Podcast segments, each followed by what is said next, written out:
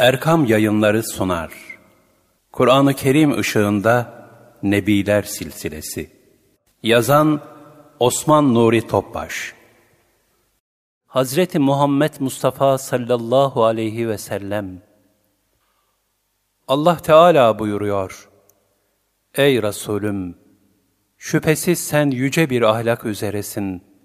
El-Kalem 4 Ey müminler! Andolsun ki Resulullah da sizin için Allah'a ve ahiret gününe kavuşmayı umanlar ve Allah'ı çok zikredenler için bir üsve-i hasene vardır. El-Ahzab 21 Şüphesiz ki Allah ve melekleri peygambere çokça salat ederler. Ey müminler! Siz de ona salavat getirin ve tam bir teslimiyetle selam verin. El-Ahzab 56 Resul size ne verdiyse onu alın.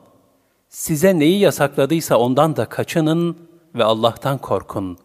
Çünkü Allah'ın azabı şiddetlidir. El-Haşr 7 Ey iman edenler! Allah'a itaat edin ve peygambere itaat edin ki amellerinizi boşa çıkarmayın. Muhammed 33 Kim Allah'a ve Resul'e itaat ederse, işte onlar Allah'ın kendilerine nimet verdiği peygamberler, sıddıklar, şehitler ve salihlerle beraberdir. Onlar ne güzel dostlardır. En-Nisa 69 Bilmediler mi ki, kim Allah'a ve Resulüne karşı koymaya kalkarsa, ona içinde sürekli kalacağı cehennem ateşi vardır. İşte büyük rezillik budur. Et-Tevbe 63 Resulullah sallallahu aleyhi ve sellem buyurur. Muhakkak ki ben güzel ahlakı tamamlamak üzere gönderildim. Cinlerin ve insanların isyankar olanları dışında yer ve gökte bulunan bütün varlıklar benim Allah'ın Resulü olduğumu bilirler. Size iki şey bırakıyorum. Bunlara sımsıkı sarıldığınız müddetçe asla sapıtmazsınız. Allah'ın kitabı Kur'an-ı Kerim ve Resulünün sünneti. Hz. Mevlana'dan, Bu can bu tende oldukça Kur'an'a kulum, köleyim. Muhammed Muhtar sallallahu aleyhi ve sellemin yolunun toprağıyım. Birisi sözlerimden bundan başka söz naklederse, o kişiden de bizarım, o sözden de. Nebiler silsilesinin ilk ve son halkası, Seyyidül Kevneyn, Resulü Sekaleyn, İmamül Harameyn, Varlık Nuru, alemlere rahmet, Hazreti Muhammed Mustafa sallallahu aleyhi ve sellem. Bütün mahlukatın varlık sebebi nuru Muhammedi olduğundan, Hazreti Peygamber sallallahu aleyhi ve sellemi ve onun Habibim hitabına mazhar olacak bir vasıfta yaşadığı müstesna ve mutena hayatını şu aciz satırlar muhtevası içinde ifadelendirebilmek aslında mümkün değildir. Ancak onun anlaşılması ve anlatılması istikametinde herkesin takatince yol alabilmesinin sayısız faydaları vardır. İşte bunu dikkate alarak yazabildiklerimizle bir kırıntı kadar da olsa Hazreti Peygamber sallallahu aleyhi ve sellemin örnek şahsiyetinden nasip almak, onun ahlakıyla ahlaklanmak, bizler için şereflerin en büyüğüdür. Yoksa onu layıkıyla anlatabilmek iddiasından teeddüp ederiz.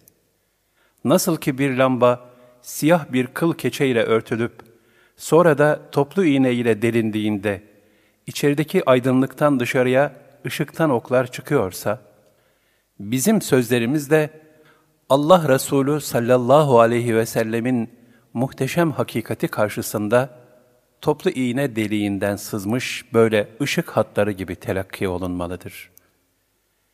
Zira kainatın yüce Halik'inin İnna Allah ve melâiketehu yusallûne alen nebiy يا ايها الذين امنوا صلوا عليه وسلموا تسليما Şüphesiz ki Allah ve melekleri peygambere çokça salat ederler. Ey müminler!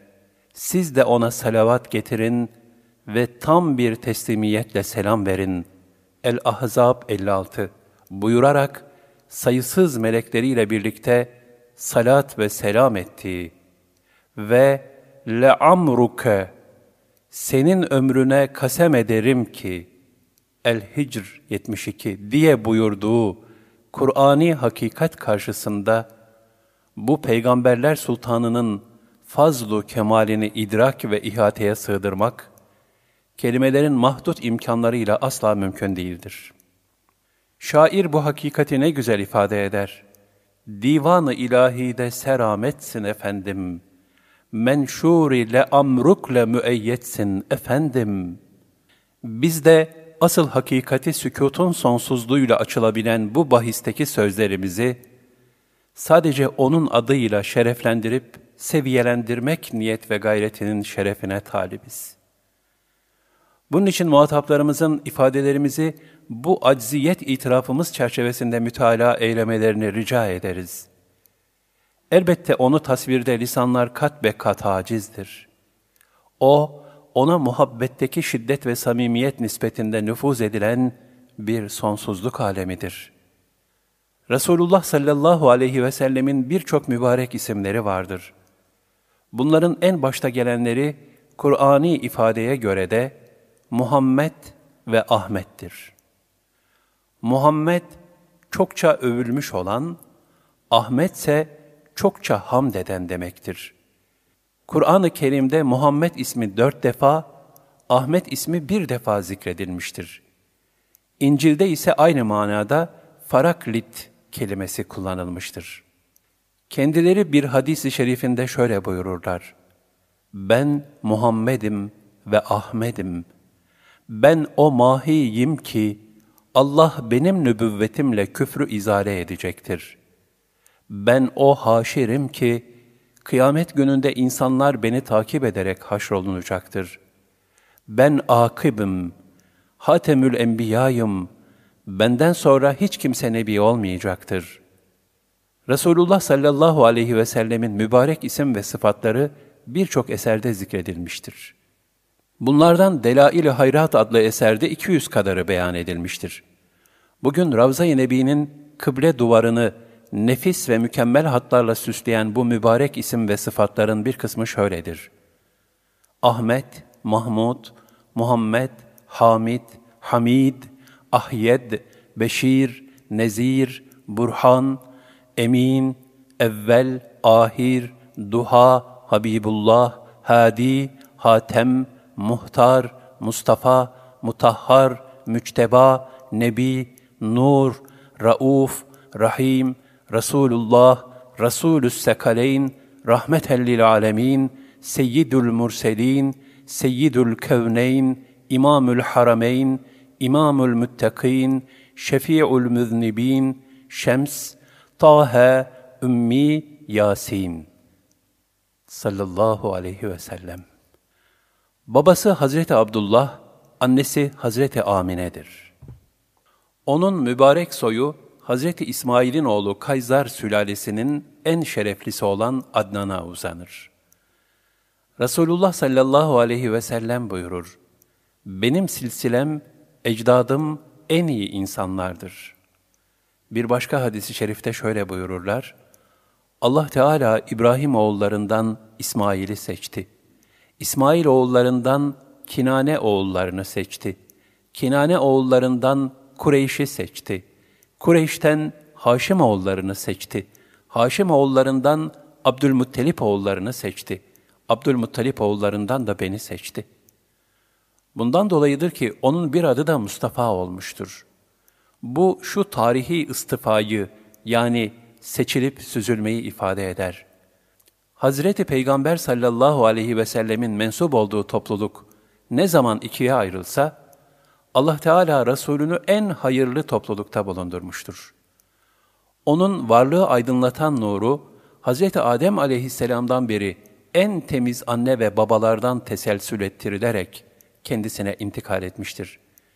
Cenab-ı Hak ayet-i kerimede buyurur, وَتَكَلُّبَكَ فِي السَّاجِد۪ينَ Sen yani nurun hep secde edenlerden dolaştırılıp sana intikal etmiştir. Eş-Şuara 219 Ayetin meali İbn Abbas radıyallahu anhuma hazretlerine aittir.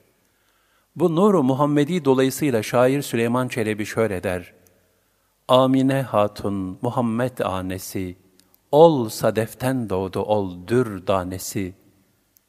O doğmadan önce birçok ilahi tecelliler zuhur etmişti. Bütün kainat onun yoluna hasretti. Çünkü o yaratılışın sebebiydi. Hz. İbrahim ile oğlu Hz. İsmail, Kabe'nin inşasını bitirdikten sonra, ellerini semaya kaldırıp şöyle dua etmişlerdi. Ey Rabbimiz! Onlara içlerinden senin ayetlerini kendilerine okuyacak. Onlara kitap ve hikmeti öğretecek ve onları temize çıkaracak, nefislerini teskiye edecek bir peygamber gönder. Çünkü aziz olan ve her şeyi yerli yerince yapan yalnız sensin.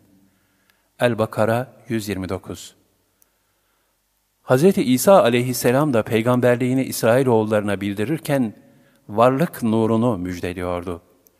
Ya beni İsrail'e inni Resulullah ileykum musaddikan lima beyne yedeyye minet tevrati ve mübeşşiran bi rasulin ye'ti min ba'd ismuhu Ahmed. Ey İsrailoğulları! Ben size Allah'ın elçisiyim. Benden önce gelmiş bulunan Tevrat'ı doğrulayıcı ve benden sonra gelecek Ahmet adında bir peygamberi müjdeleyici olarak geldim. Es-Saf 6 Annesi Hazreti Amine, varlık nuruna hamile olduğunun ilk günlerinde bir rüya gördü. Rüyada kendisine, sen bu ümmetin efendisine hamilesin. O doğduğu zaman her kötünün şerrinden bir olan Allah'a sığınırım diye dua et ve ona Muhammed adını ver denildi.'' Bunun içindir ki Allah Resulü sallallahu aleyhi ve sellem şöyle buyurmuşlardır. Ben dedem İbrahim'in duası, kardeşim İsa'nın müjdesi ve annemin rüyasıyım. O doğmadan önce bütün alem manevi yönden müthiş bir karanlık içindeydi. İnsanlar son derece bedbaht bir cehalet bataklığında boğulmaktaydılar. İnsanlık şeref ve haysiyetini yitirmişti Hayvanlar bile insanların vahşet ve zulmünden iyice bunalmıştı. Hayat yaşanmaz hale gelmişti. Alem mahzun, varlıklar mamum, gönüller muzdaripti. Zayıf ve güçsüzler gülmeyi unutmuştu. Yaşama hakkı güçlülere aitti. Şairin ifadesiyle güçsüz mü bir insan, onu kardeşleri yerdi. Kur'an-ı Kerim bu gerçeği şöyle beyan buyurur. İnsanların kendi işledikleri yüzünden karada ve denizde fesat zuhur etmişti. Er-Rum 41 Ancak alemlerin efendisinin ulvi teşrifi yaklaştıkça, ikaz tecellileri tahakkuk ederek, münkir ve bedbahtlar için elem verici azabın zelzeleleri hissedilmeye başladı. Bunlardan biri, ulvi teşriften 54 gün evvel tahakkuk eden fil vakası oldu. Fil yılı Yemen valisi Ebrehe, Roma imparatorunun da yardımıyla San'a'da yaptırdığı kiliseye insanlardan arzu ettiği rağbeti görmeyince son derece sinirlendi. Ardından Arapların eskiden beri kutsiyetini kabul edip ziyaret ede geldikleri Kabe'yi yıkmaya karar verdi. İçinde bugünün tankları demek olan fillerin de bulunduğu büyük bir ordu hazırlayarak Mekke'ye yürüdü. Böylelikle güya insanların yönlerini kendi yaptırdığı kiliseye çevirecekti. Ebrehe'nin gözü o kadar dönmüştü ki, gasp edilen develerini geri istemeye gelen Abdülmuttalib'e şaşarak, ben Kabe'yi yıkmaya geldim, sense develerini düşünüyorsun, demiş ve Abdülmuttalib'in Kabe için onun sahibi var. O onu korur ifadelerine, bana karşı onu koruyacak yoktur, hezeyanında bulunmuştu. Ancak Kabe'ye doğru ordusuna hareket emrini verince, filler yürümez oldu. Gökyüzü ebabil kuşlarıyla doldu. Onlar ayaklarında getirdikleri pişkin tuğladan yapılmış taşları, Ebrehe ordusunun üzerine dolu taneleri gibi boşaltmaya başladılar. Bu taşlar kime isabet ediyorsa, onu delip geçiyordu. Mekke'nin önü bir anda insan ve fil mezarlığına döndü. Sıkletsiz serçe kuşları, tonlar ağırlığındaki filleri ezip çiğnemişlerdi. Bu dehşet dolu ilahi mucizenin tahakkuk ettiği yıla, fil yılı dendi. Allah Teala bu hadiseyi Kur'an-ı Kerim'de şöyle anlatır. Rabbin fil sahiplerine neler etti, görmedin mi? Onların kötü planlarını boşa çıkarmadı mı? Üzerlerine ebabil kuşlarını gönderdi. O kuşlar onlara pişkin tuğladan yapılmış taşlar atıyorlardı. Böylece Allah onları yenilip çiğnenmiş ekine çevirdi.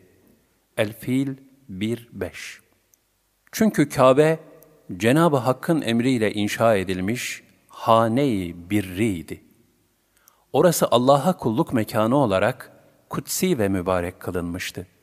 Bunun için ilahi muhafaza altına alınmıştı.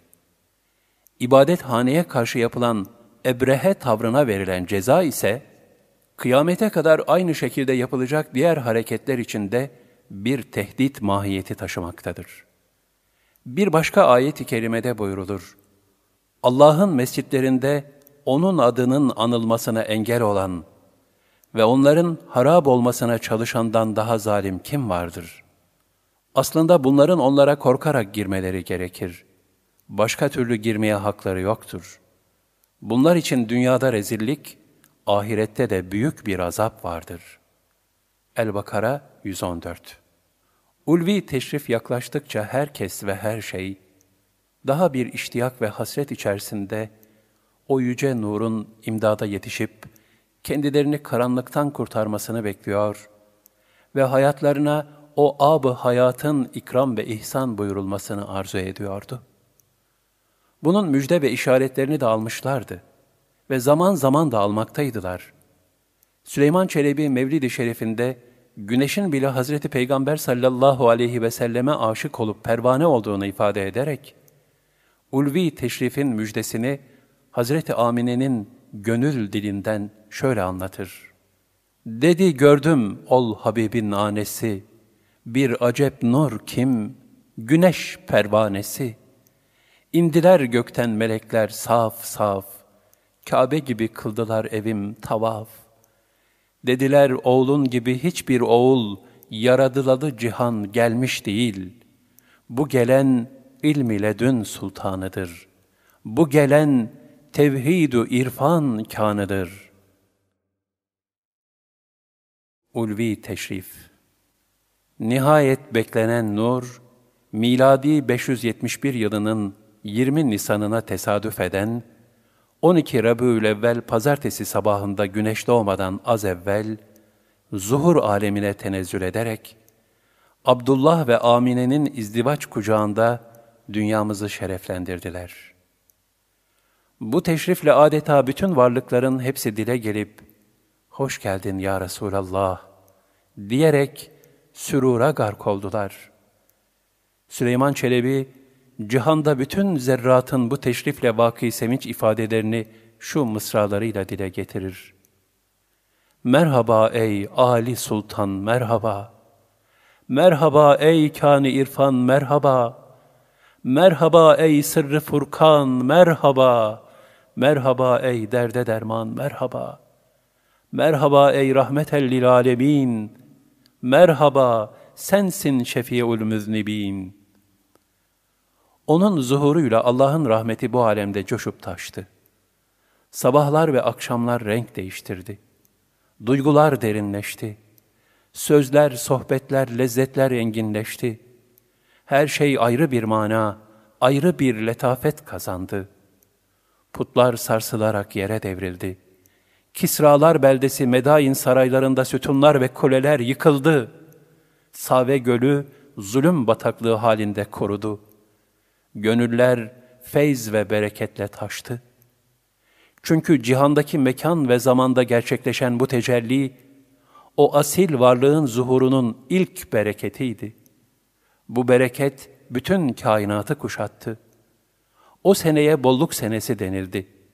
Nitekim Kadir gecesinden sonra en kıymetli gece, ehli gönül için Resulullah sallallahu aleyhi ve sellemin doğduğu gece olarak kabul edilmiştir. O gece bir gül gibi açılan, alemlerin efendisine işareten diller artık şöyle demeye başlamıştır.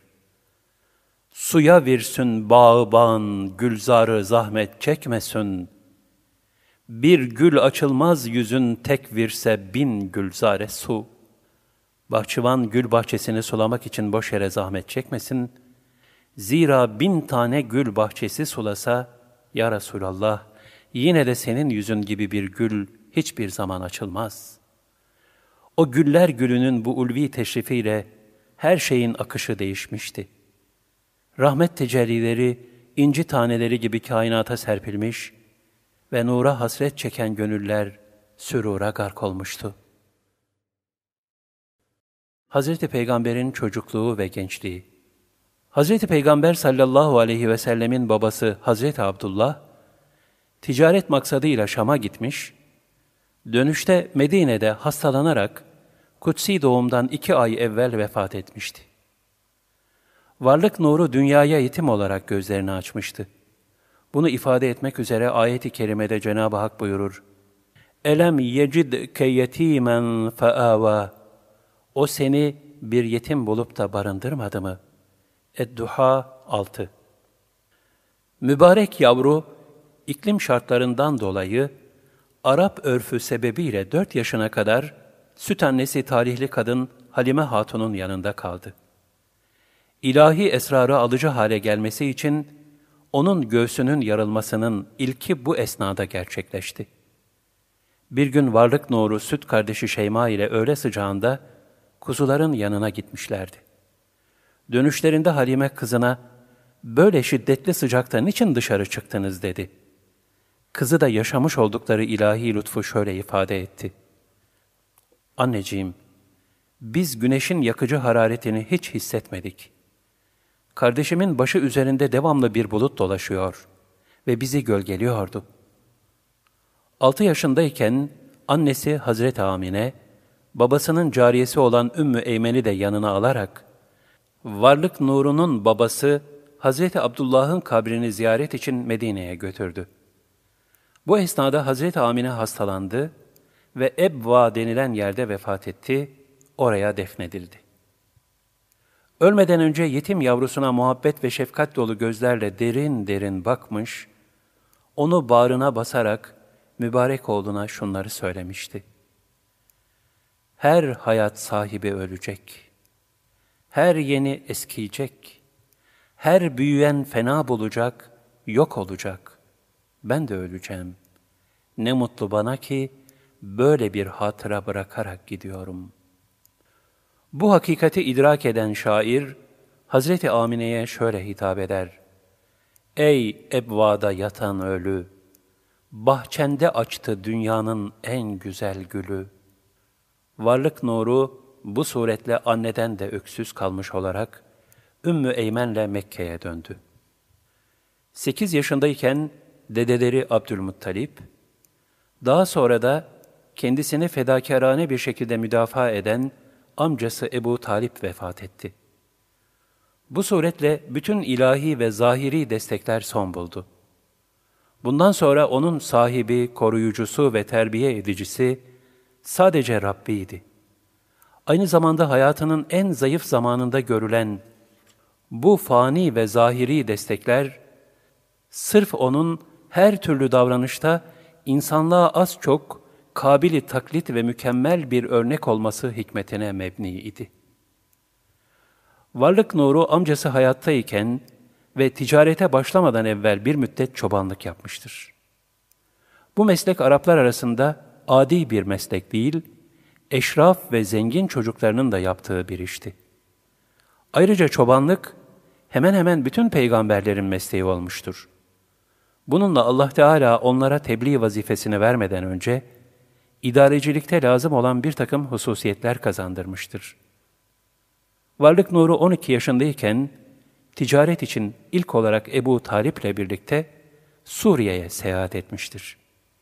İkinci ticaret seyahati 17 yaşındayken Yemen'e olmuştur. Üçüncüsü ise 25 yaşlarındayken Suriye'yedir. Birinci Suriye seyahatinde Bahira isimli bir papazın Allah Resulü sallallahu aleyhi ve sellemi gördüğü rivayet edilir. Bahira o sıralar 12 yaşında olan Hazreti Peygamberi bir bulutun gölgelediğini fark ederek, ondaki harikuladeliği sezer ve İncil'de okuduğu vasıfları düşünerek varlık nurunun sırtına bakar. Oradaki nübüvvet mührünü de görünce, mührü şerifi kemali edeple öper ve Ebu Talib'e, Ey Ebu Talip, bu mübarek çocuk enbiyanın hatemidir. Onu muhafazada dikkatli olun der. Ancak bu hadise dolayısıyladır ki Hristiyan müsteşrikler, İslam'a leke sürebilmek için Hz. Peygamber sallallahu aleyhi ve sellemin Bahira'dan telkin aldığı iddiasında bulunurlar. Bu ise tamamen hilafi hakikattir. Kur'an ve tevhid akidesine zıttır. Zira Bahira teslis akidesine inanan bir papazdı. Diğer taraftan onun dininde Allah telakkisi antropomorfik yani beşeri sıfatlarla teciz edilmiş müşahhas bir yapı sergilemektedir. Oysa Allah Resulü sallallahu aleyhi ve sellemin getirdiği İslam dini, tevhid temelleri üzerine hak tarafından gönderilmiş bir dini mübindir. Allah telakkisi müteal, yani idrak ötesi ve her türlü noksan sıfatlardan münezzeh ve mücerret bir mahiyet arz eder. Bu hakikat dolayısıyladır ki, İslam, ehli kitabın bi'setten evvelde olsa ancak ilahi istikamette olanlarının kurtuluşa erebileceğini Kur'an-ı Kerim'de şöyle bildirir. Şüphesiz iman edenler, Yahudiler, Hristiyanlar ve Sabiilerden Allah'a ve ahiret gününe iman eden ve salih ameller işleyenlere korku yoktur ve onlar mahzun olmayacaklardır. El-Bakara 62 Hz. Peygamber sallallahu aleyhi ve sellem Efendimiz, bütün zaman ve mekana son peygamber olarak gönderilmiş olduğundan, kendisinden evvelki bütün dinler mensuhtur. Dolayısıyla Allah'a iman edip, Hz. Peygamber sallallahu aleyhi ve selleme iman etmemek küfürdür. Bu sebeple bugünkü ehli kitabın dindarları, yukarıdaki ayet-i kerimenin şumulü dışındadır. Onun yetim ve öksüz çocukluğuyla gençliği bir nezahet ve en parlak bir istikbale liyakat ifade eden bir ulviyet içinde geçiyordu. Farik sıfatı el-emin ve es-sadık idi. Ona bu sıfatları verdiren pek çok numuneyi imtisal olan hadiseler vardır. Bunlardan biri de şöyledir. Bir genç kendisine bir yere giderken rastlamış ve ona bir emanet bırakarak orada beklemesini rica edip hemen geri döneceğini söylemişti. Hazreti Peygamber sallallahu aleyhi ve sellem de kabul buyurmuştu. Ancak genç dediği gibi hemen gelmemiş, aradan hayli bir müddet geçtikten sonra söylediğini unutmuş olarak oradan tesadüfen geçerken varlık nurunu görünce şaşırmaktan kendini alamamış ve sen hala burada mısın demişti. Emniyet ve sadakatin kabına varılmaz ufkunun zirvesinde bulunan Allah Resulü sallallahu aleyhi ve sellem, bu ahlak-ı hamidesine ilaveten, gencin yaptığı karşısında onu azarlamayıp, sadece irşat sadedinde, çok beklettin ey delikanlı buyurmuşlardır. Onun nübüvvetten önceyken bile sergilediği bu ve benzeri ulvi hasletler, birbirinden güzel, ibretli ve hikmetlidir. Zaten bunlar ancak bir peygamber namzedinde tecelli edebilirdi. O her zaman yalnızca hakkın, haklının ve mazlumun yanında olmuştu. 20 yaşlarındayken Kureyşlilerle Havazin kabilesi arasında yapılan Ficar Harbi'nde amcalarıyla birlikte bulunmuş fakat hiç kimsenin kanını dökmemişti. Yalnız atılan okları toplar, amcalarına verirdi. Onun cahiliye devrinde tasvip edip katıldığı tek cemiyet Hilfül Fudul'dür. Bu bir adalet cemiyetiydi. Zulüm ve haksızlığı önlemek için kurulmuştu. Bu cemiyet hakkında nübüvvetten sonra şöyle buyurdular. Abdullah bin Cüda'nın evinde amcalarımla birlikte Hilfül Fudul'da hazır bulundum. O meclisten o kadar memnun oldum ki, ona bedel kızıl develer, yani dünya metaı verilse o kadar sevinmezdim. Ben böyle meclise şimdi de çağrılsam yine icabet ederim. Evliliği Nihayet 25 yaşlarına varınca, ticaret vesilesiyle tanıdığı Kureş kibarlarından Hz. Hatice radıyallahu anha ile evlendiler. Asil hanım Hz. Hatice, malı ve canı ile ona yeni bir güç kaynağı oldu. Asil kadın Hz. Hatice radıyallahu anha, varlık nurundan 15 yaş büyük, çocuklu ve dul bir hanımdı. Şerefli bir aileye mensup olan Hazreti Hatice'ye yüksek ahlakı sebebiyle İslam'dan önce Tahire, İslam'dan sonra Hadicetül Kübra denilmiştir. Bu evlilikten Kasım, Abdullah, Zeynep, Rukiye, Ümmü Külsüm ve Fatıma dünyaya geldi.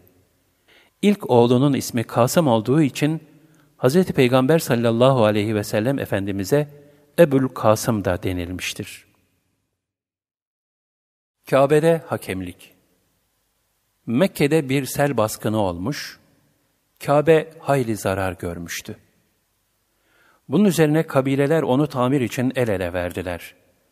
Ancak Hacer-i Esved'i yerine koymaya sıra gelince, her kabile bu şerefli vazifeyi kendisi yapmak istediğinden büyük bir kargaşa çıktı. Neredeyse kan dökülecekti. Aralarında bir kişi haykırdı. Bırakın mücadeleyi. Madem şu meseleyi aramızda halledemedik, harem kapısından ilk gelecek zatı aramızda hakem tayin edelim, hükmüne de razı olalım. Tam o esnada varlık nuru harem kapısında göründü. Herkesin yüzünü tatlı bir tebessüm kapladı. Çünkü gelen Muhammedül Emin'di sallallahu aleyhi ve sellem. Ona meseleyi anlattılar. O da her kabileden bir kişi seçti ve ridasını çıkarıp yere yaydı. Sonra Hacer-i Esved'i ridasının üzerine koydurup, seçtiği kişilerin her birine bir ucundan tutturdu. Mübarek taş birlikte taşındı. Varlık nuru da onu kendi elleriyle yerine yerleştirdiler. Böylece kabileler arası çıkabilecek muhtemel bir kavgayı önlemiş oldular. Onun bu şekilde firasetli davranışıyla birlikte ahlakının erişilmez mükemmellik arz etmesi ve benzeri ulvi hususiyetleri kendisini Sultanül Enbiya vasfındaki bir nübüvvetin o an için bilinmeyen nişaneleriydi. Belki Mekke'de doğup büyüyen Muhammed Mustafa sallallahu aleyhi ve sellemin nebi olacağı henüz bilinmiyordu. Ama tevhidten ayrılmamış olan bazı has kullar tarafından ahir zaman nebisinin geleceği bilinmekte ve vaktinin yaklaştığı da hissedilmekteydi. Nitekim Kus bin Saide bunlardan birisiydi. Kus bin Saide, İyad kabilesinin reisi olup, İsa aleyhisselamın dininde muvahhid ve şair bir insandı. Onun meşhur Suki Ukaz'da aralarında Hz. Peygamber sallallahu aleyhi ve sellemin de bulunduğu bir topluluğa yaptığı Bi'set-i Nebevi'den bahseden şu cali bir dikkat konuşması çok ibretlidir. Ey insanlar! Geliniz, dinleyiniz, belleyiniz, ibret alınız. Yaşayan ölür, ölen fena bulur. Yağmur yağar, otlar biter. Çocuklar doğar. Anaların babaların yerini tutar. Sonra hepsi mahvolur gider. Vukuatın ardı arkası kesilmez. Hepsi birbirini takip eder. Dikkat edin, kulak tutun. Gökten haber var. Yerde ibret alacak şeyler var. Yıldızlar yürür, denizler durur, gelen kalmaz giden gelmez. Yemin ederim Allah'ın indinde bir din var ki, şimdi bulunduğunuz dinden daha sevgilidir. Ve Allah'ın gelecek bir peygamberi vardır ki, gelmesi pek yakındır. Onun gölgesi başınızın üstüne geldi. Ne mutlu o kimseye ki ona iman edip de, o dahi ona hidayet eyleye. Vay o bedbahta ki, ona isyan ve muhalefet eyleye. Yazıklar olsun ömürlerini gaflet içinde geçiren ümmetlere.'' Ey insanlar! Gafletten sakının. Her şey fanidir. Ancak Cenab-ı Hak bakidir, birdir, şerik ve naziri yoktur. Tapılacak O'dur. O doğmamış ve doğurmamıştır. Evvel gelip geçenlerde bizler için ibretler çoktur. Ölüm ırmağının girecek yerleri var ama çıkacak yeri yok. Küçük büyük herkes göçüp gidiyor. Herkese olan bana da olacaktır. Allah Resulü sallallahu aleyhi ve sellem Efendimiz, Kus bin Said'e hakkında şöyle buyurmuşlardır.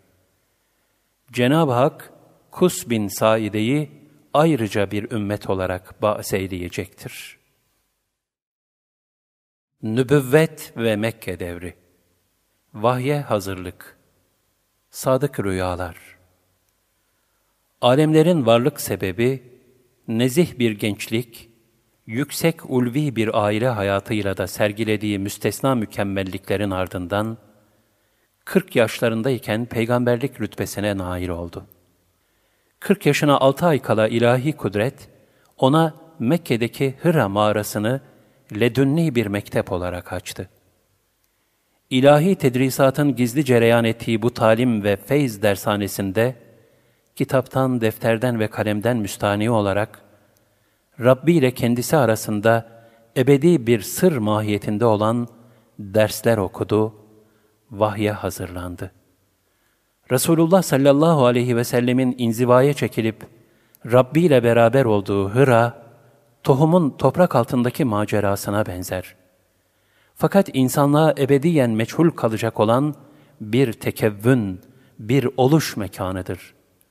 Oraya Hazreti Peygamber sallallahu aleyhi ve sellemi sevk eden amiller, zahirde halkın içine düştüğü sapıklık, zulüm ve sefaletten gönlüne akseden ızdırap ve bütün aleme şamil merhametti.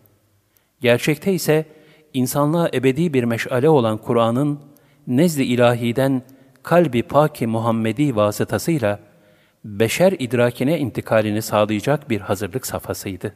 Bu keyfiyet adeta yüksek voltajda bir cereyanın topraklanmasına benzer bir şerare sahnesiydi ki, Allah'la onun Habibi arasında mahrem bir sır olarak kalması, gözlerden uzak bir mağarada tecellisini icap ettiriyordu. Vahye muhatap olmanın sıradan kullar için tahammülü imkansız olan ağır yükünü taşımak hususundaki fıtri istidadın zahire çıkma mevsimiydi. Tıpkı ham demirin derunundaki istidatla çelikleşmesi gibi. Bu sırrın hududuna varacak idrak, onu istihap gayreti peşinde, çerçevesi dağılıp parçalanmayacak lafız, tasavvur olunamaz. Bu hazırlığın ilk altı aylık safhası, akıl çerçevemize sabilen yönüyle rüyayı sadıkalar suretiyle geçmiştir. Yani Resulullah sallallahu aleyhi ve sellem gece ne görüyorsa, o gündüzleyin olduğu gibi tahakkuk ediyordu. Hazreti Ayşe radıyallahu anha buyurur. Resulullah sallallahu aleyhi ve selleme gelen vahiy, uykuda rüyayı saliha yani sadıka şeklinde başlamıştı. Gördüğü her rüya sabah aydınlığı gibi açık seçik gerçekleşirdi. Hz. Peygamber sallallahu aleyhi ve sellem daha sonra sadık rüyayı nübüvvetin 46'da biridir diye beyan buyurmuşlardır. Gerçekten bu 6 aylık süre 23 yıl süren peygamberliğin 46'da birine tekabül eder. İlk vahiy ve vahyin fasılaya uğraması. Allah Resulü sallallahu aleyhi ve sellem 40 yaşındaydılar. Vahye muhatap olacak seviyeye gelme hazırlığı mahiyetindeki 6 aylık zaman bitmişti. Mübarek Ramazan ayının 17. günüydü.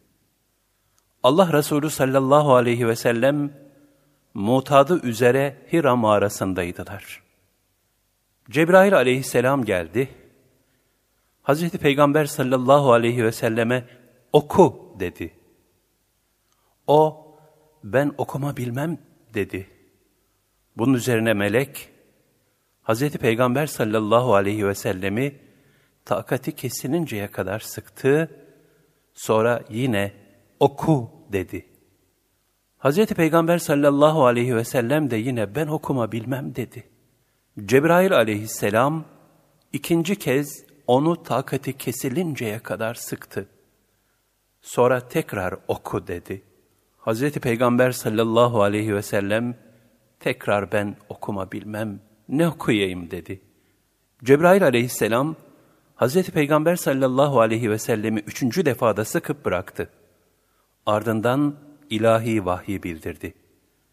Böylece ikra bismi rabbikellezî halak halakal insâne min alak ikra ve rabbukel ekrem ellezî alleme bil kalem allemel insâne mâ lem ya'lem Seni yaratan Rabbinin adıyla oku. O, insanı bir kan pıhtısından yarattı. Kalemle yazı yazmayı öğreten, insana bilmediğini belleten, lütuf ve keremde erişilmez mertebede olan Rabbin hakkı için oku. El-Alak 1.5 Emri ilahisiyle Allah Resulü sallallahu aleyhi ve selleme nübüvvet şehadetnamesi ve irşat selahiyeti verilmiş oldu. Bunun üzerine Hazreti Peygamber sallallahu aleyhi ve sellem bu ayet-i kerimeleri terakki etti. Yüreği titreyerek döndü ve Hazreti Hatice'nin yanına geldi.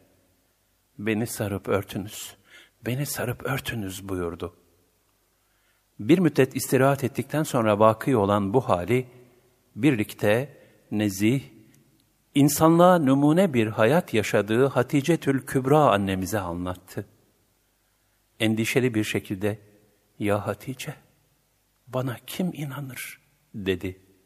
O mübarek zevce, varlık nuru efendisine, Allah'a kasem ederim ki, Allah Celle Celaluhu hiçbir vakit seni utandırmaz, mahrum etmez.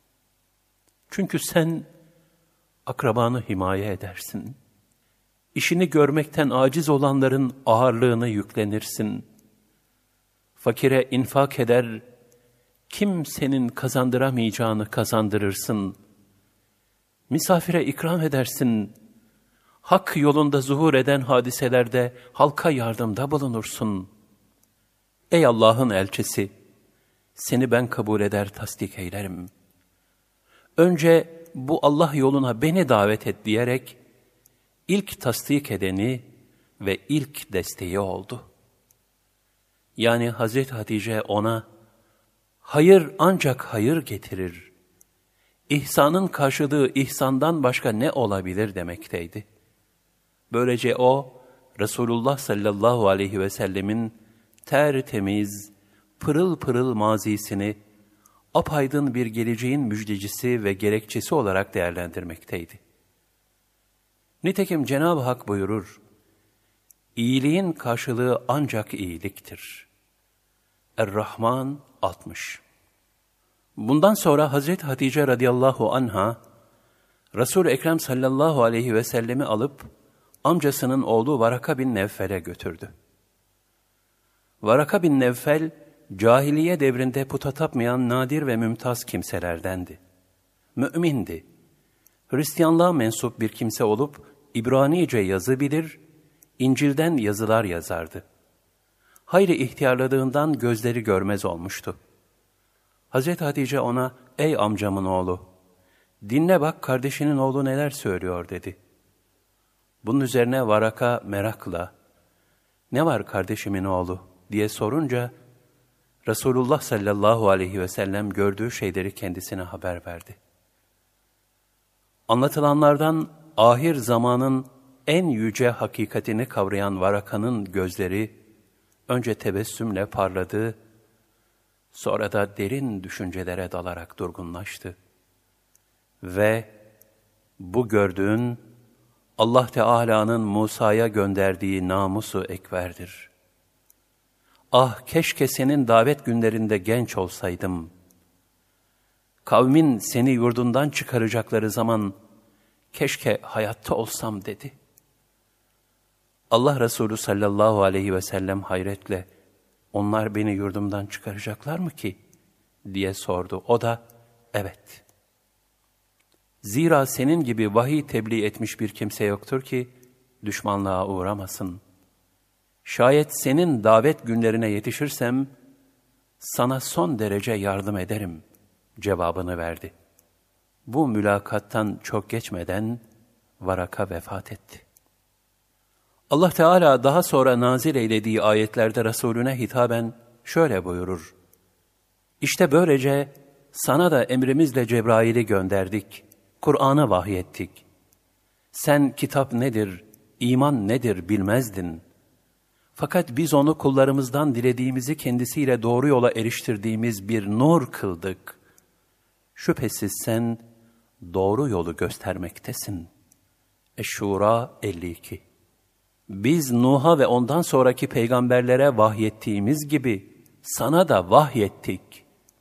En-Nisa 163 Resulullah sallallahu aleyhi ve selleme gelen ilk vahyin ilk kelimesinin ikra oku olması münasebetiyle bunu ehli hal ve ehli kalp şöyle tefsir etmiştir.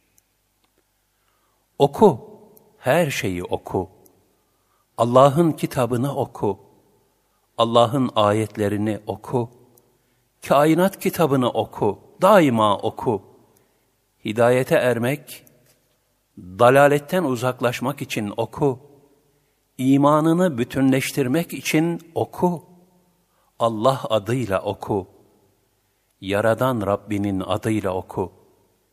İnsanı bir kan pıhtısından yaratan, fakat ona her şeyi okumak, aydınlatmak, anlamak ve anladığını yaşatmak imkanlarını veren Yüce Rabbin adıyla oku. İnsana okumak nimetini ihsanla, en büyük lütfu gösteren Allah'ın adıyla oku. Öğrenmek için oku. Kudret kaleminin bu aleme çizdiği her satırı oku. İnsana bilmediğini öğreten Allah'ın adıyla oku. Nitekim Mevlana Hazretleri, zahiri kitap okuma devrine hamdım. Kainatın esrarını okuma devrine piştim. İlahi esrarın yakıcılığından kavrulma devresine de yandım ifadelerini kullanarak geçirdiği manevi merhaleleri ifadelendirmiştir. Ayetteki oku emri çok mühimdir. Ancak onun Allah'ın adıyla olması da aynı derecede bir ehemmiyet taşımakta ve oku emrine ittibaın nasıl olacağını bildirmektedir. İlk vahiden sonra Allah Resulü sallallahu aleyhi ve sellemin daha sonra ard arda gelecek olan diğer vahiylere iyice hazır olması için vahiy bir müddet kesildi. Çünkü vahiy o kadar muazzam bir vazifeydi ki, onu kolaylıkla deruhte etmeye imkan yoktu. Nitekim Allah Resulü sallallahu aleyhi ve sellem, sadık rüyaların ardından birdenbire vahiy meleğini karşısında görünce telaşa kapılmıştı. Hazreti Hatice'nin tesellisi, ve Varaka'nın teyidiyle gönlüne itminan gelmişti. Artık o, vahyin yeniden başlamasını iştiyakla arzu ediyor, adeta sabırsızlanıyordu. Zaman zaman ilk vahyin geldiği Hıra Dağı tepelerine çıkıyor, bekliyordu. Bu fetret günlerinde de onun yegane tesellicisi Hazreti Hatice radıyallahu anha oldu. Bunun içindir ki Hazreti Peygamber sallallahu aleyhi ve sellem, onun ruhi derinlik, incelik ve zarafetini hiçbir zaman unutmadı. Hazreti Hatice'nin vefatından sonra bir kurban kesilecek olsa, daima bir kısmını Hazreti Hatice'nin akrabalarına gönderirdi. O, varlık nurunun her şeyiyle unutulmaz, muazzez bir hatırasıydı. Resulullah sallallahu aleyhi ve sellemin hayatı, geçmiş peygamberlere bile nasip olmayan hayal ötesi şeref tecellileriyle doludur. Allah Celle Celaluhu Habibim diye sadece ona hitap etmiştir. Miraç peygamberler arasında yalnız ona nasip olmuştur. Mescid-i Aksa'da bütün peygamberlere imametiyle rüçhaniyeti sabit oldu. Musa aleyhisselamdaki len terani sırrı onda kâbe kavseyni ev ednâ olarak tecelli etti. Len terani, Musa aleyhisselam, Tur-u Sina'da Allah'la konuşmak için bir hazırlık safhasına tabi tutuldu. 30 gün oruç tutturuldu. Buna 10 gün ilave edilerek 40'a tamamlandı. Bu hal nefsani hayattan tecerrüt ettirilerek ilahi konuşmaya bir hazırlık safhasıydı. Cenab-ı Hak Musa aleyhisselamla dil veya ses gibi maddi bir vasıtayla değil, ezeldeki kelam sıfatıyla konuştu. Hz. Musa'nın yanında şahit olarak getirilen yetmiş kişi ve Cebrail aleyhisselam bu ilahi konuşmayı duymadılar ve hissetmediler. Musa aleyhisselam bu ilahi tecellinin karşısında kendisinden geçti. Dünyada mı, ahirette mi olduğunu unutarak zaman ve mekanın dışına çıktı. Kendisinde büyük bir aşk, vecd, istirak içinde Cenab-ı Hakk'ın zatını görmeye şiddetli bir arzu uyandı. Mukabilinde Cenab-ı Hak'tan len terani, beni asla göremezsin emri ilahisi tecelli etti. Musa aleyhisselam gayri iradi olarak ısrarına devam edince, Cenab-ı Hak dağa nazar etmesini, şayet onu yerinde görebilirse, kendisini de müşahede edebileceğini bildirdi. Rivayetlere göre sayısız hicapların arkasından Cenab-ı Hak'tan bir nur, sızıntı halinde dağa aksetti, dağ infilak etti. Bu dehşetten Musa aleyhisselam bayıldı.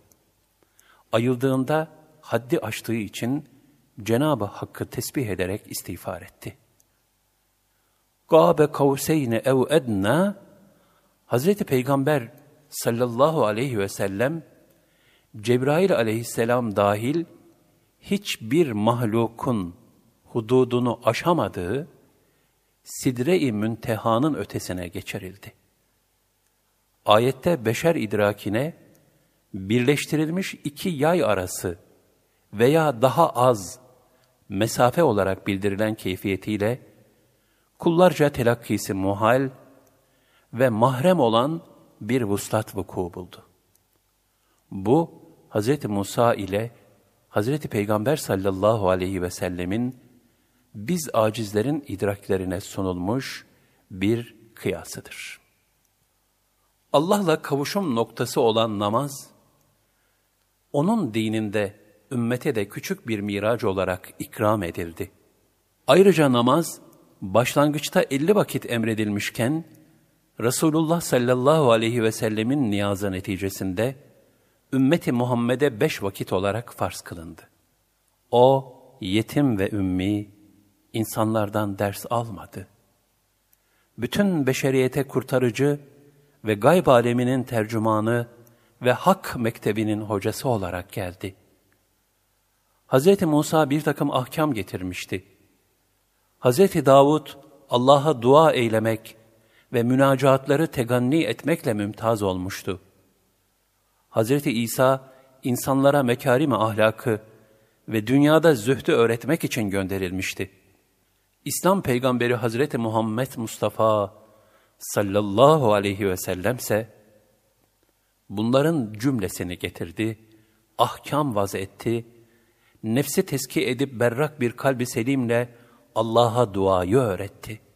En güzel ahlakı talim etti ve yaşayışıyla numune oldu. Dünyanın aldatıcı alayışına aldanmamayı tavsiye buyurdu.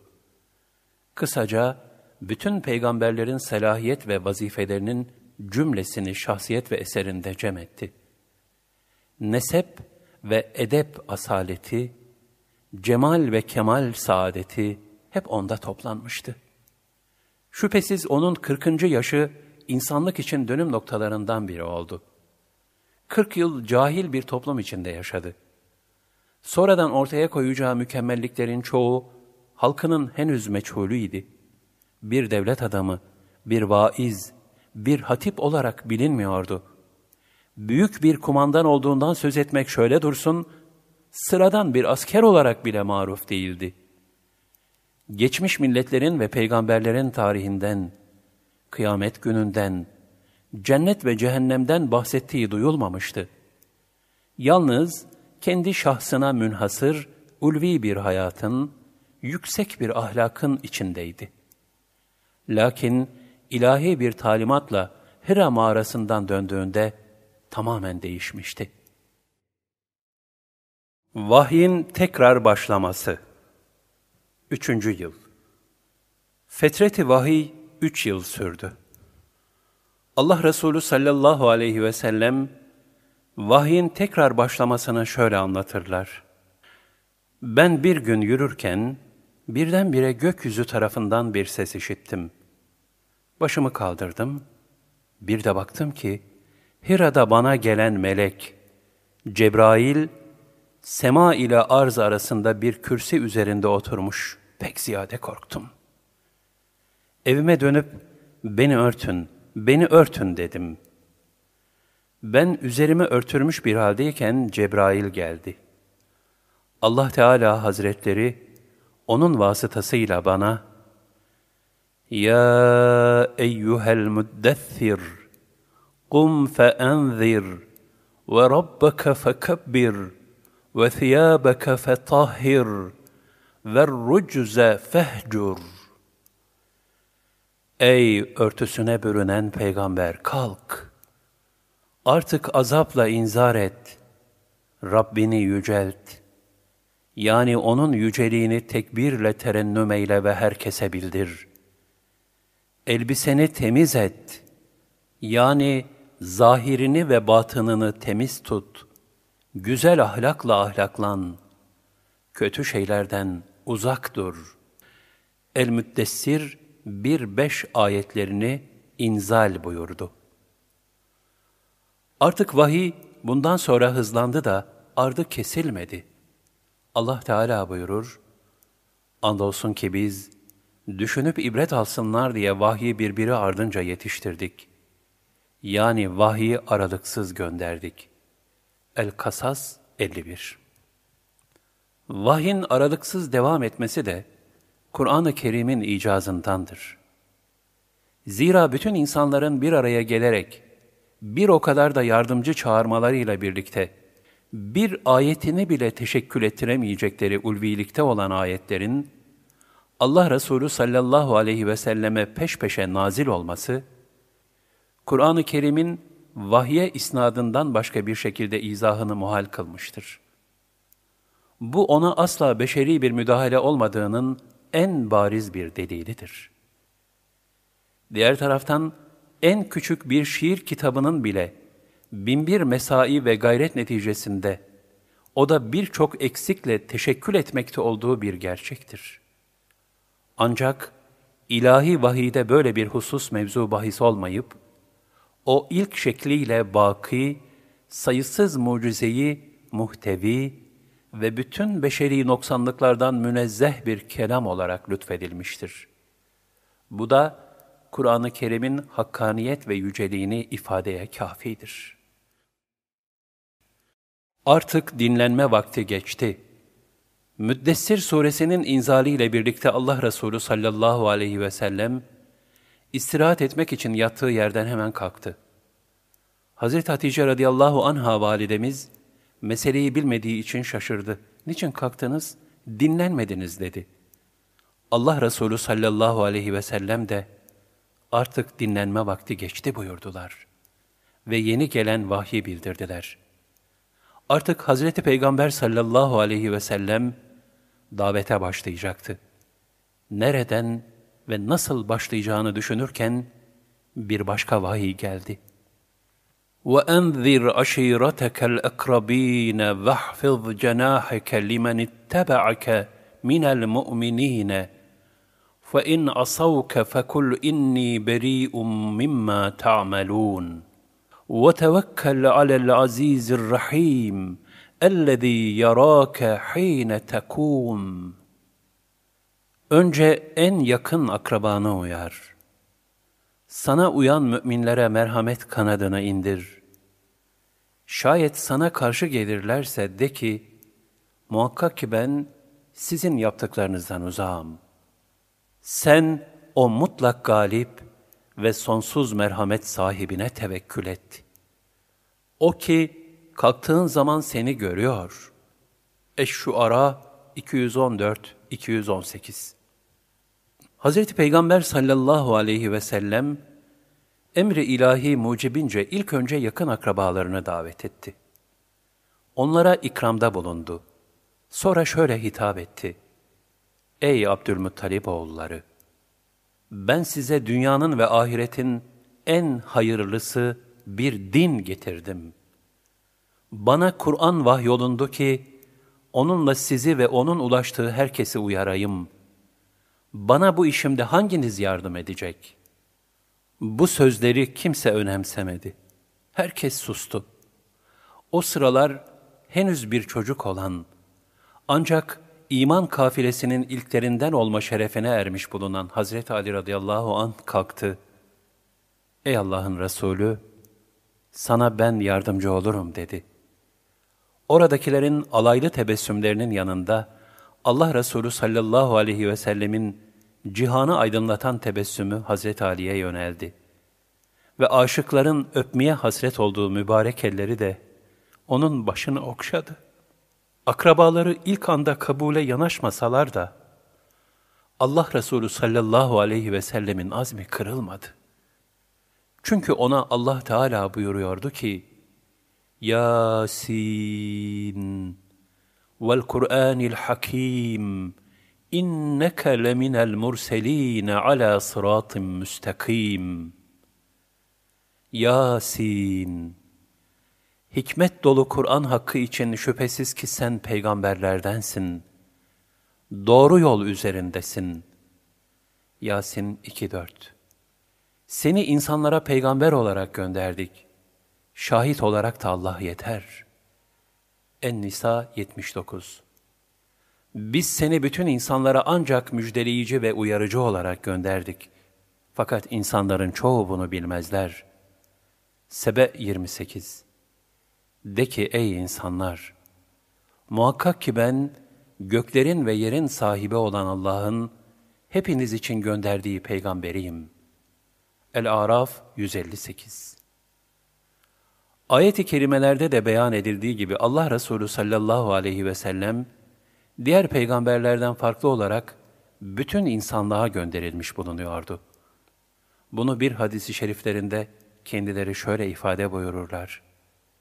Bana benden önceki peygamberlerden kimseye verilmemiş olan beş hususiyet verildi. 1. Bir, aylık mesafeden düşmana korku salmakla yardım olundum. 2. Bana yeryüzü mescit ve temiz kılındı. Binaenaleyh ümmetimden herhangi bir mümin namaz vakti gelince hemen olduğu yerde namazını kılsın. 3. Ganimet bana helal kılındı. Benden önce hiçbir peygambere helal kılınmamıştı. 4. Şefaat izni verildi. 5. Benden önceki peygamberler sadece milletlerine gönderilirlerdi. Bense bütün insanlığa peygamber olarak gönderildim. Allah Resulü sallallahu aleyhi ve sellem ilk yaptığı davette o sırada bir çocuk olan Hazreti Ali'nin dışında hiç kimseden hüsnü kabul görmeyince, başlangıçta tebliğini gizli olarak yaptı. Bu üç yıl sürdü emrolunduğun şeyi açıkla. Dördüncü yıl. Üç yıl süren gizlilik devrinden sonra, yani peygamberliğin dördüncü yılında Allah Teala buyurdu. فَاسْتَعْ بِمَا تُؤْمَرْ وَاَعْرِضْ عَنِ الْمُشْرِك۪ينَ İnna kefeynâkel müstehzi'in. Ey Resulüm! Artık sana emrolunanı açıkla çatlatırcasına tebliğ et.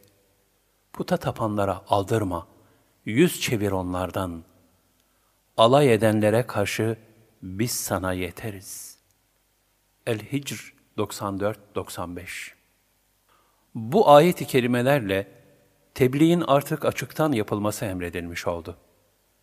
Bir başka ayeti kerimede de bu husus daha açık hatta ikaz mahiyetinde şöyle ifade buyurulmuştur. Ya eyyuher Resulü bellig ma unzile ileyke min rabbike ve illem tef'al fema bellagte risaletehu vallahu ya'simuke minen nas. Ey Resul!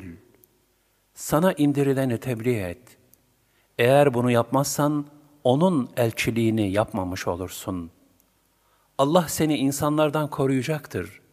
Şüphesiz ki Allah kafirler topluluğuna rehberlik etmez. El-Maide 67 Artık Allah Resulü sallallahu aleyhi ve sellem Cenab-ı Hakk'ın buyurduğu veçile Ey insanlar! Muhakkak ben Allah'ın hepinize gönderdiği Resulüyüm. Allah ki bütün göklerin ve yerin sahibidir. Ondan başka ilah yoktur. O hem diriltir hem öldürür. Öyleyse Allah'a ve O'nun ümmi olan Resulüne ki O, Allah'a ve O'nun sözlerine inanır, iman edin ve O'na tabi olun ki doğru yolu bulasınız. El-Araf 158 diyerek insanları açıktan İslam'a davet etmeye başladı. Kureyş kabilesini Safa tepesine çağırdı. Onlar da bu çağrıya icabet ederek Safa tepesine geldiler. Allah Resulü sallallahu aleyhi ve sellem yüksek bir kayanın üzerinden onlara şöyle seslendi. Ey Kureyş cemaati! Ben size şu dağın eteğinde veya şu vadide düşman atlıları var. Hemen size saldıracak, mallarınızı gasp edecek dersem, bana inanır mısınız? Onlar da hiç düşünmeden, evet inanırız. Çünkü şimdiye kadar seni hep doğru olarak bulduk. Senin yalan söylediğini hiç işitmedik dediler. Oraya gelmiş bulunan herkesten bila istisna bu tasdiki alan Allah Resulü sallallahu aleyhi ve sellem, ilahi hakikati bildirdi. O halde ben şimdi size önünüzde şiddetli bir azap günü bulunduğunu, Allah'a inanmayanların o çetin azaba uğrayacaklarını haber veriyorum. Ben sizi o çetin azaptan sakındırmak için gönderildim. Ey Kureyşliler! Size karşı benim halim, düşmanı gören ve ailesine zarar vereceğinden korkarak hemen haber vermeye koşan bir adamın hali gibidir. Ey Kureyş cemaati! Siz uykuya dalar gibi öleceksiniz. Uykudan uyanır gibi de dirileceksiniz. Kabirden kalkıp Allah'ın huzuruna varmanız, dünyadaki her hareketinizin hesabını vermeniz muhakkaktır. Neticede, hayır ve ibadetlerinizin mükafatını, kötü işlerinizin de ceza ve şiddetli azabını göreceksiniz. Mükafat ebedi bir cennet, mücazat da daimi bir cehennemdir. Allah Resulü sallallahu aleyhi ve sellemin bu hitabesine, orada bulunanlarca umumi bir karşı çıkma görülmedi. Yalnız amcası Ebu Leheb, hay kuruyası, bizi buraya bunun için mi çağırdın? Diyerek münasebetsiz ve yakışıksız sözler sarf etti. Hakaretleriyle Yüce Peygamber'in kalbini kırdı. Ebu Leheb'in bu tavrı üzerine Tebbet suresi nazil oldu. Ebu Leheb'in iki eli kurusun, kurudu da. Malı ve kazandıkları ona fayda vermedi. O alevli bir ateşte yanacak.'' odun taşıyıcı olarak ve boynunda hurma lifinden bükülmüş bir ip olduğu halde karısı da ateşe girecek. Tebbet 1-5 Ayette Ebu Leheb'in hanımı da zikredilmiştir. Çünkü o da kocası gibi Allah Resulü sallallahu aleyhi ve sellemin yoluna diken koyarak eziyet etmekteydi. Aynı zamanda bu sure, sırf ırkı yakınlığın mühim bir değeri olmadığını da zımnen ifade etmektedir. Mühim olan ruhi yakınlıktır, takvadır. Ruhun ırkı yoktur. Irk, cesede ait bir keyfiyettir. Cesetse toprakta yok olacaktır. İnsan kamil manası ile ruhtan ibarettir. Onun mükerrem vasfı da budur. Yoksa insan, değişik kumaşlardan elbise giymekle kıymet kazanmaz.'' Nübüvvetin bu safhasında nazil olan ayetler, umumiyetle kıyametin dehşetinden haber vermekteydi. Rabbinin azabı muhakkak vuku bulacaktır. Ona engel olacak hiçbir şey yoktur. O gün gök sallanıp çalkalanır. Dağlar yürüdükçe yürür. O gün peygamberlerini yalanlayanların vay haline. Onlar ki daldıkları batıl içinde oyalanıp duranlardır. O gün cehennem ateşine itilip atılırlar da, işte yalanlayıp durduğunuz ateş budur denilir. Et-Tur 7-14 Resul Ekrem sallallahu aleyhi ve sellem Efendimizin peygamberliğini ilan etmesi ve davete alenen başlamasının ardından, müşriklerin ve putlarının aleyhindeki ayeti kerimeler de nazil olmaya başladı. Ey müşrikler! Siz ve sizin Allah'tan başka taptığınız şeyler hep cehennem odunu olacaktır. Varacağınız yer orasıdır. El-Enbiya 98 Ey Resulüm de ki, ben de ancak sizin gibi bir insanım. Bana ilahınızın bir tek ilah olduğu vahyolunuyor. Artık ona yönelin. Ondan mağfiret dileyin. Ortak koşanların vay haline. Fussilet 6 Bunlar ve benzeri ayetler müşrikleri çileden çıkardı. Müslümanlara ateş püskürmeye başladılar. Çünkü yeni gelen din onların menfaatlerine dokunmaktaydı. Hemen Ebu Talib'e koştular. Durumu anlatıp yeğenine mani olmasını istediler. Ebu Talip onları nezaketle savdı. Hazreti Peygamber sallallahu aleyhi ve selleme de hiçbir şey söylemedi. Böylece durumun değişmediğini gören müşrikler, tekrar Ebu Talib'e geldiler ve artık tahammülümüz kalmadı. Ey Ebu Talip! Biliyorsun ki kardeşinin oğlu bizim dinimizi ve ilahlarımızı kötülüyor. Bizi de ahmaklıkla suçluyor. Eğer kardeşinin oğlunu şu yaptıklarından vazgeçirmezsen, hem sana hem de ona karşı geleceğiz. Ya onu bu işten vazgeçir, ya da himayeni onun üzerinden kaldır. Biz onun hakkından geliriz, dediler. Ebu Talip, bu sözler üzerine, Allah Resulü sallallahu aleyhi ve selleme müşriklerin tavırlarını nezaketle anlattı. Onu himayeden vazgeçmemekle beraber, müşriklere karşı koymak istemediğini de hissettirdi. Beni de, kendini de koru dedi. Allah Resulü sallallahu aleyhi ve sellem çok üzüldü. Çünkü amcasının sözleri, gerektiğinde kendisini korumaktan vazgeçeceği manasına da geliyordu.'' Mübarek gözleri nemlendi. Zira Müslümanlar henüz zayıftılar. Servet ve kuvvete rağm olmuş bulunan Kureyş'in azgın müşriklerine karşı duracak güçleri yoktu. Bu esnada Resulünün içine düştüğü zorluğu aşabilmesi için Cenab-ı Hak şöyle buyurdu. وَذْكُرِ اسْمَ رَبِّكَ وَتَقَبَّلْ اِلَيْهِ تَبْتِيلًا Rabbül meşriki vel mağrib, la ilahe illa huve fettehizhu vekile. Rabbinin ismini zikret. Her şeyi bırakıp bütün varlığında yalnız O'na yönel. O Allah ki, doğunun da batının da Rabbidir. Ondan başka ilah yoktur. Öyleyse yalnız O'nun himayesine sığın. Bunun üzerine, Allah Resulü sallallahu aleyhi ve sellemin hüznü dağıldı. Sarsılmaz bir iman ve üstün bir şecaatle amcası Ebu Talib'e şu meşhur sözlerini söyledi. Ey amca!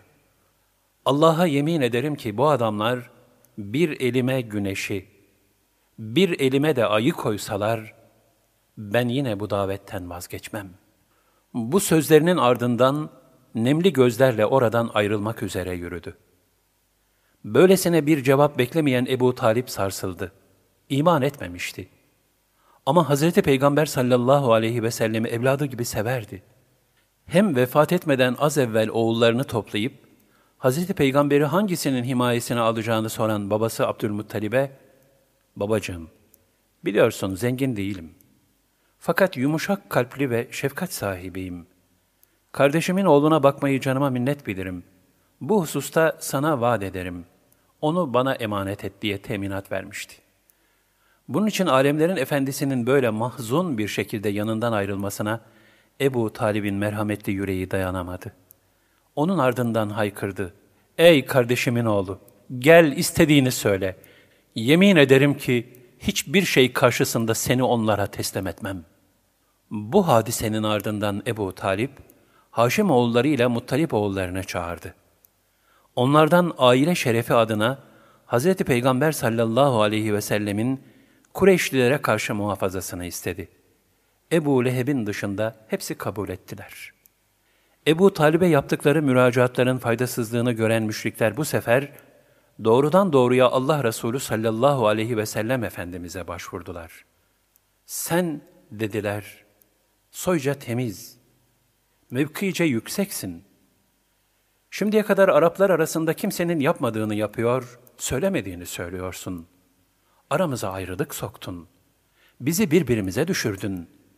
Böyle hareket etmekten maksadın nedir? Zengin olmak için böyle yapıyorsan, sana istediğin kadar mal verelim.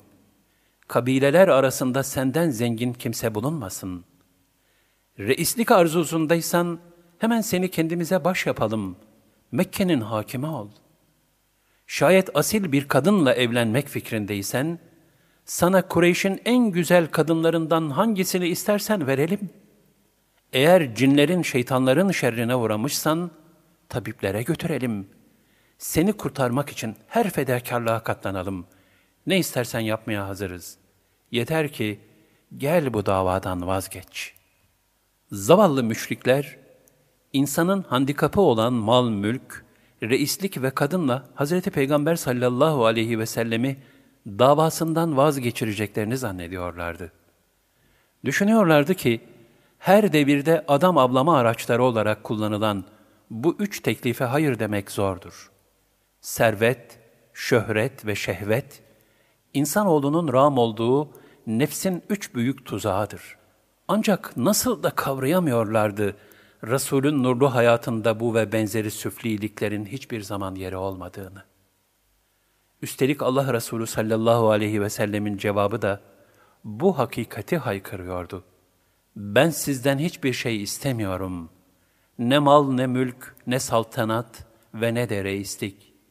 Benim tek istediğim şudur. Putlara tapmaktan vazgeçiniz. Yalnız bir olan Allah'a ibadet ediniz. Müşriklerse nefislerine ram oldukları için onun ulvi davasını bir türlü idrak edemiyorlar. Kendisinden putlara tapmasını bile isteyecek kadar ileri gidiyorlardı. Bunun üzerine Hazreti Peygamber sallallahu aleyhi ve sellem de kendisini şöyle takdim ediyordu. Sizin Allah'ı bırakıp da kulluk ettiklerinize kulluk etmek bana yasak kılınmıştır. Çünkü bana Rabbimden apaçık deliller gelmiştir. Ben kendimi alemlerin Rabbine vermekle emrolundum. El-Mü'min 66 Ben dini Allah'a halis kılarak ona kulluk etmekle emrolundum. Ben Müslümanların ilki olmakla emrolundum. Ez-Zümer 11-12 Ben ancak Allah'a kulluk etmekle ve ona asla ortak koşmamakla emrolundum. Ben yalnız ona çağırıyorum ve dönüşüm onadır. Er-Ra'd 36 Ben ancak bu şehrin Mekke'nin Rabbine ki, o burayı dokunulmaz kılmıştır. Kulluk etmekle emrolundum. Her şey de zaten O'na aittir. Bana Müslüman olmam ve Kur'an okumam emredildi. Artık kim doğru yola gelirse, yalnız kendisi için gelmiş olur. Kim de saparsa, kendine yazık etmiş olur. Ben sadece uyarıcılardanım. Enneml 91-92 Şüphesiz Rabbim beni doğru yola, dost doğru dine, Allah'ı tevhid eden İbrahim'in dinine iletti. O asla puta tapanlardan değildi. Şüphesiz benim namazım, kurbanım, hayatım ve ölümüm hepsi alemlerin Rabbi Allah içindir. Onun ortağı yoktur. Bana sadece bu emrolundu ve ben Müslümanların ilkiyim.'' Allah her şeyin Rabbi iken ben ondan başka Rab mı arayacağım? El-En'am 161-164 Benim yolum işte budur. Ben Allah'a çağırıyorum. Yusuf 108 Buna karşılık sizden bir ücret istemiyorum. Kendiliğinden bir şey iddia eden ve olduğundan başka görünen kimselerden de değilim. Saat 86 Resulullah sallallahu aleyhi ve sellemin bu kat'i tavırları karşısında müşrikler, hiç olmazsa putlarının kötülenmesi meselesine çözüm getirmek istediler. Hz. Peygamber sallallahu aleyhi ve sellem'den putlarını zemmetmemesini talep ettiler. Bunun üzerine Cenab-ı Hak buyurdu. فَلَا تُطِعِ الْمُكَذِّب۪ينَ وَدُّوا لَوْ تُدْهِنُوا فَيُدْهِنُونَ Hakikati yalan sayanlara boyun eğme. Onlar isterler ki sen yumuşak davranasın da onlar da sana yumuşak davransınlar. yani onlar sana indirilen ayetlerden beğenmediklerini bırakman suretiyle senin kendileriyle uyuşmanı isterler. Böyle yaparsan seni överler. El-Kalem 8-9 اِذَنْ لَاَزَقْنَاكَ ضِعْفَ الْحَيَاتِ وَضِعْفَ الْمَمَاتِ ثُمَّ لَا تَجِدُ لَكَ عَلَيْنَا نَصِيرًا O zaman hiç şüphesiz biz de sana hayatın ve ölümün sıkıntılarını, bunaltan azabını kat kat tattırırdık. Sonra bize karşı kendin için bir yardımcı da bulamazdın. El-İsra 75 Yani tevhidte taviz, bu zor zamanlarda bile yasaklanmıştır. Çünkü bu, dinin daha tam kurulmadan tahribe uğraması demek olurdu ki, müşriklerin çirkin emelleri de buydu. Ancak istediklerine nail olamadıkça taleplerini cahilane bir şekilde sıklaştırıp büyütüyorlar, putlarının durumlarını kurtarmaya çalışıyorlardı. Bunun için şu gülünç teklifi yapacak kadar ileri gittiler. Sen bizim putlarımıza tap, biz de senin Allah'ına kulluk edelim. Böylece aramızdaki ihtilaf kalkar dediler. Bu olmayacak mantık dışı sapıklığa Kur'an-ı Kerim şöyle cevap verdi. De ki, ey cahil ve ahmak kafirler! Ben sizin tapmakta olduğunuza tapmam. Benim taptığıma da sizler tapmazsınız. Ben de sizin taptığınıza tapacak değilim. Evet, siz de benim taptığıma tapıyor değilsiniz. Sizin dininiz size, benim dinim banadır. El-Kafirun 1.6 Resul-i Ekrem sallallahu aleyhi ve sellem Efendimizin yüce davetine başlangıçta fakir, köle ve zayıf kimseler iman ettiler. Bunun yanında Hazreti Ebubekir radıyallahu anh gibi zenginlerden iman edenler olmuşsa da sayıları pek azdı.